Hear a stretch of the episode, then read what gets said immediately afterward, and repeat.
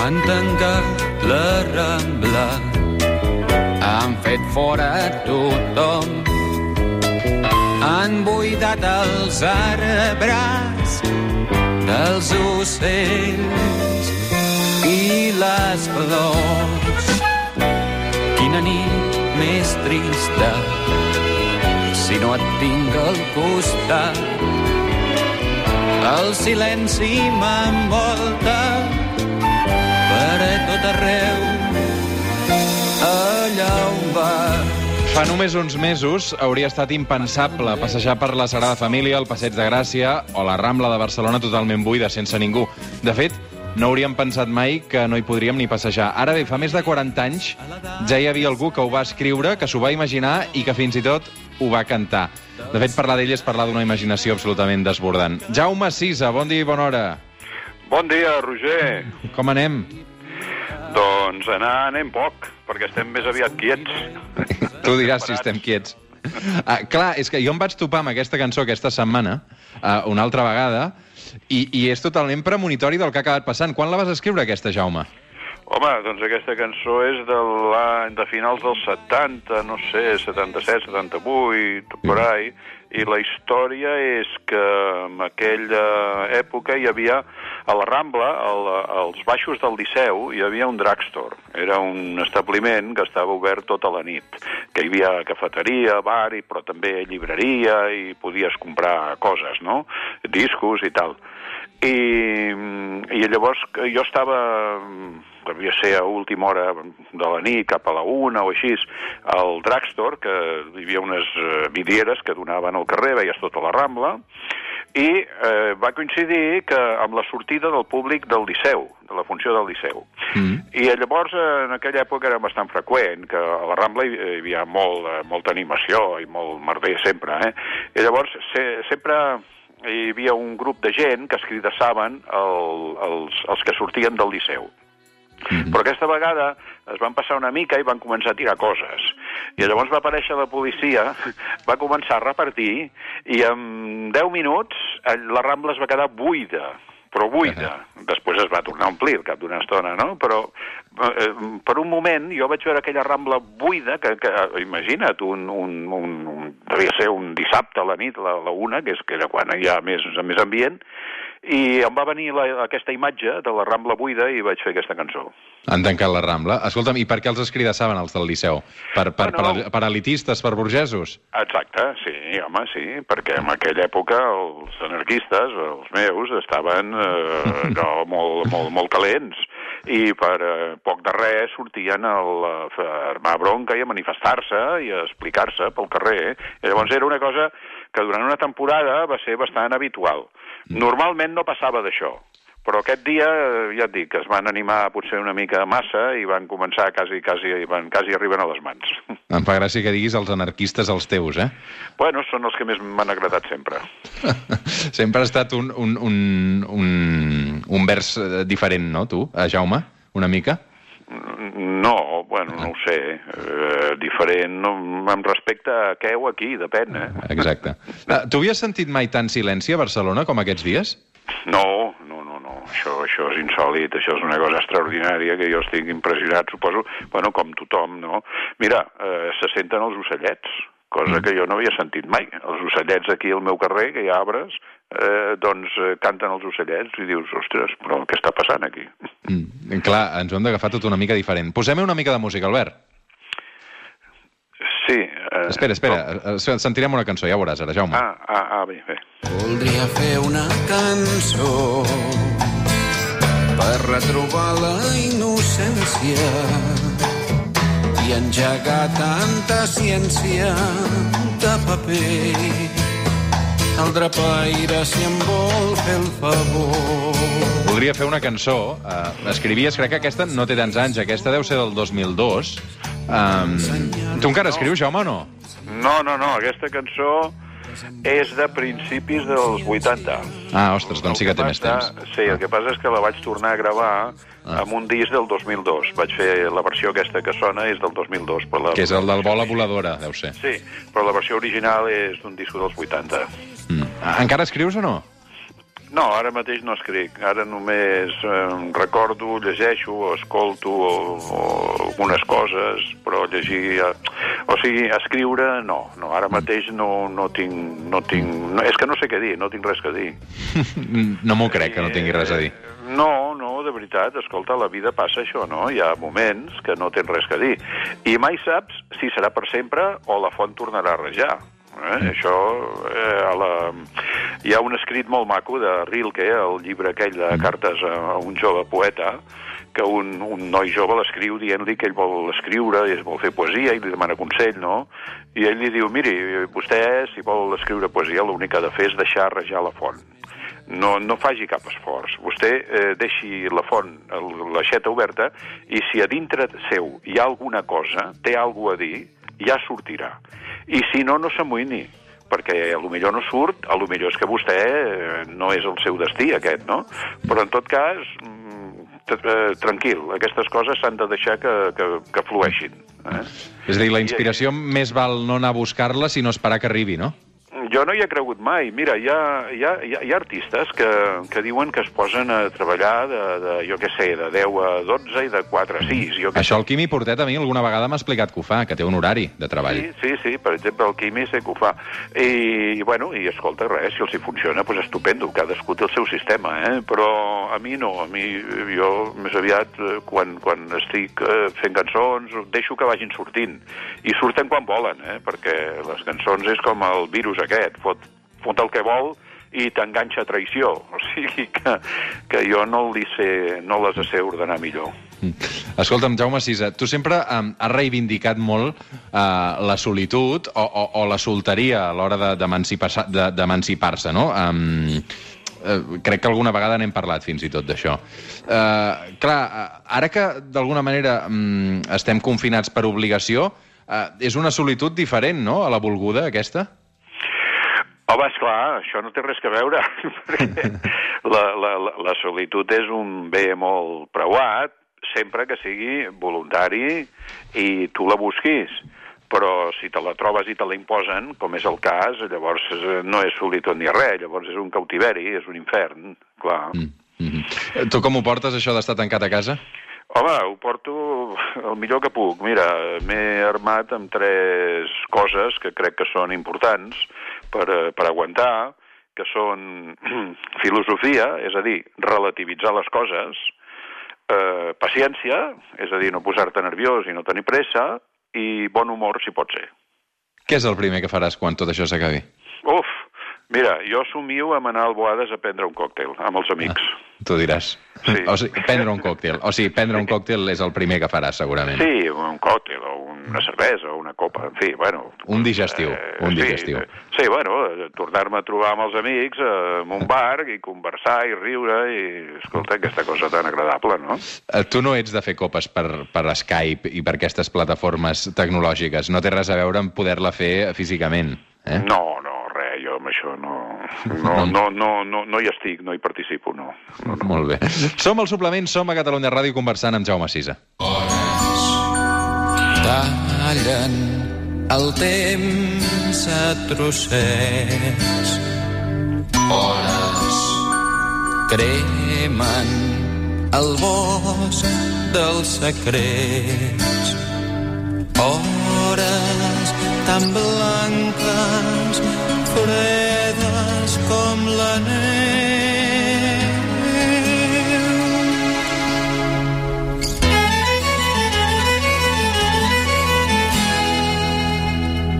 Hores lentes, carícia d'un bes. Hores plenes de llum a través. Clar, si les copes, Jaume Sisa, ja no t'agrada fer-les telemàticament, les relacions amoroses, eh, ni parlar-ne, no? Home, és que les relacions amoroses s'han de fer en directe, no? No ho sé, eh, hi ha gent per tot aquests dies, també. Uh, no, és clar, home, aviam, aquests dies es fa tot com es pot, és clar, sí, sí, sí. Ah. Però vull dir, en circumstàncies normals, mm vaja, no sé, jo no he conegut pas altre sistema que aquest, no? Tot en directe, sempre, com la música. Tu ets partidari de compartir per això el confinament aquests dies amb altres persones o no? Home, eh, sí, de fet, jo ho estic compartint. O sigui, no l'estàs fent sol, tu, el confinament, aquests dies? No, no, l'estic compartint amb una altra persona que també, doncs, eh, també estava sola a casa. Dic, doncs pues mira, eh, vine aquí, una, Clar. una bona amiga, i així és com que, en fi, el, el pis hi ha lloc, per, eh, lloc pels dos, doncs, eh, mira, ho passem aquí, no? Mhm. T'has marcat rutines aquests dies? Fas rutines o no? Totalment. Ah, sí? Quines són? A veure, explica'm un dia de Jaume Sis aquests dies. Eh, Escolta, és imprescindible, perquè si no et tornes boig. Per què?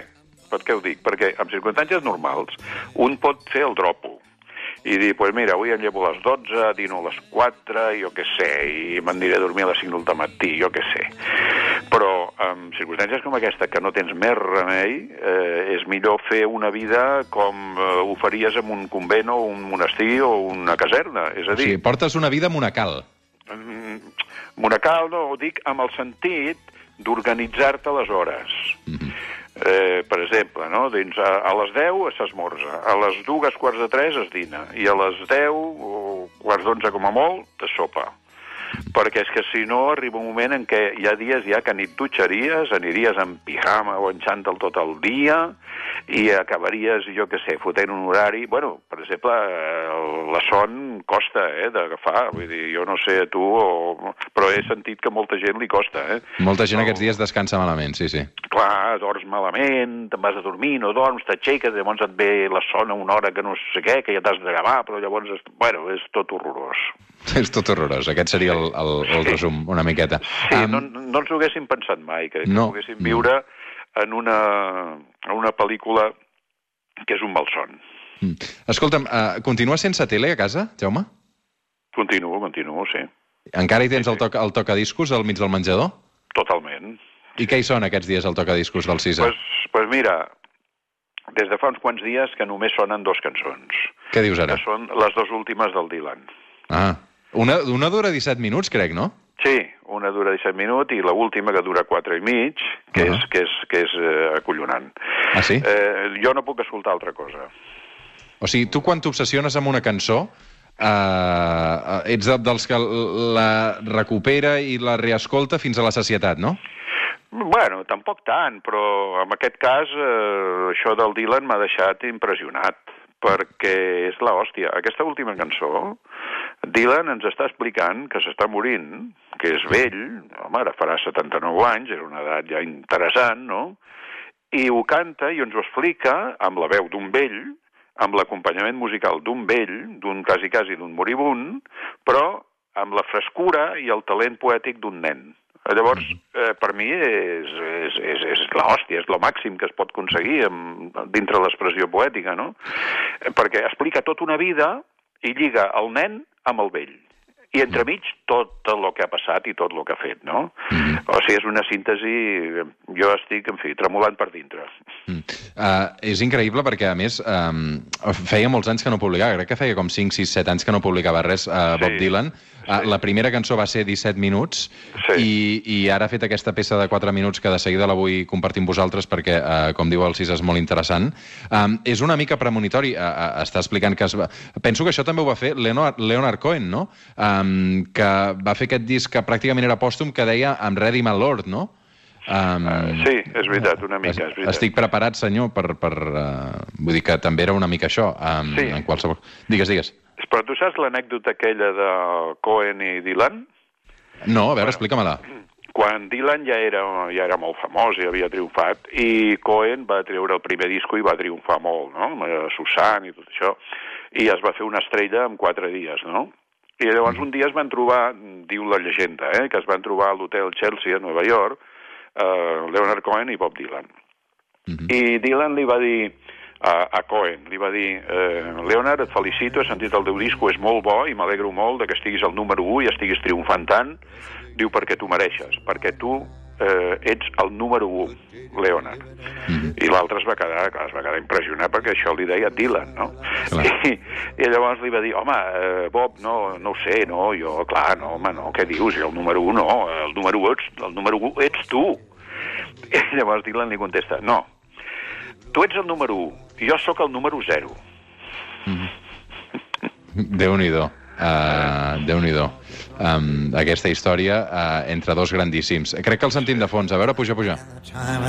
Right. You got unpaid debts. We've come to collect. We're gonna kill you with hatred without any respect. We'll mock you and shock you. Aquesta és la de 17 minuts, no? Mm, no, però aquesta és l'última.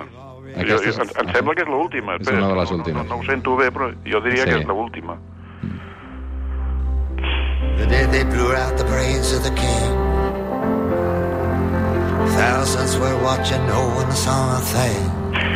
Aquesta és la de 17 minuts, la última es diu Murder uh, Mos... Aquesta és Murder Most Foul uh, i, i la última uh, és una que Ah, titula vale, a, a bueno. Contain Multitudes, però no pateixis que de seguida també la, la recuperarem. Sí, no, no, pues és que ho he confós perquè ho, sent, ho sento, molt, sento molt lluny de música, però vaja, per altra banda, no és difícil confondre's, perquè tot ho canta igual i totes les músiques s'assemblen molt i són els mateixos arreglos i tot, eh? Mm -hmm.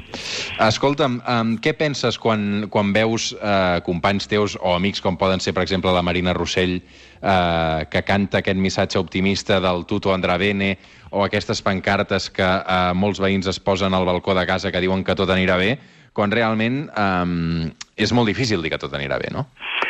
Sí, però per altra banda, eh, és que si no ens queda l'esperança que ens queda. Ens hem d'autoenganyar i pensar que tot anirà bé, perquè realment com que no sabem, no tenim ni idea de com anirà això, doncs volem creure i volem pensar i esperem i desitgem que vagi bé. Per tant, escolta, és normal, és que què, què hem de fer si no? Sí. Mm -hmm. uh, clar, um, no, no sé si és un excés d'optimisme, en qualsevol cas eh, és una actitud, no? Home, eh, l'optimisme és una cosa, és una, una emoció, una, una sensació que s'ha d'administrar amb prudència, penso, eh? Perquè si et passes, després et pots fotre una hòstia ben grossa, eh? El contacte amb la realitat. Però eh, si et quedes allò, bueno, una cosa justeta, un optimisme moderat, que se'n diu, o, o un pessimisme també controlat, llavors segurament s'assemblarà més, en, en general, a lo que després eh, et, et trobaràs, no? Jo sóc partidari de no exagerar mai l'optimisme perquè penso que el risc després de fotre-te-la és, és massa gros. Mm -hmm. Jaume Sisa, m'ha agradat molt compartir una estona de ràdio amb tu. Uh, celebro que estiguis bé. Doncs igualment, Roger, m'alegro. I si et sembla bé, ens acomiadarem amb aquesta peça que comentaves del Bob Dylan, eh, que ha decidit publicar ara i que dius que t'ha fascinat i que t'ha encantat tant. Sí, sí, sí, sí, sí. És, és que Bob Dylan és Déu. Molt bé. Sí, sí, si hi ha, si hi ha un Déu, eh, deu ser Bob Dylan, perquè si no, no ho sé, jo no en conec cap més. Jo tampoc, de moment. Uh, Sisa, cuida't molt, una abraçada. Igualment, adeu, record. Adéu, adéu. Keep your mouth away from me. I'll keep the path open, the path in my mind. I see to it that there's no love left behind. I play Beethoven sonatas, Chopin's preludes. I contain multitudes.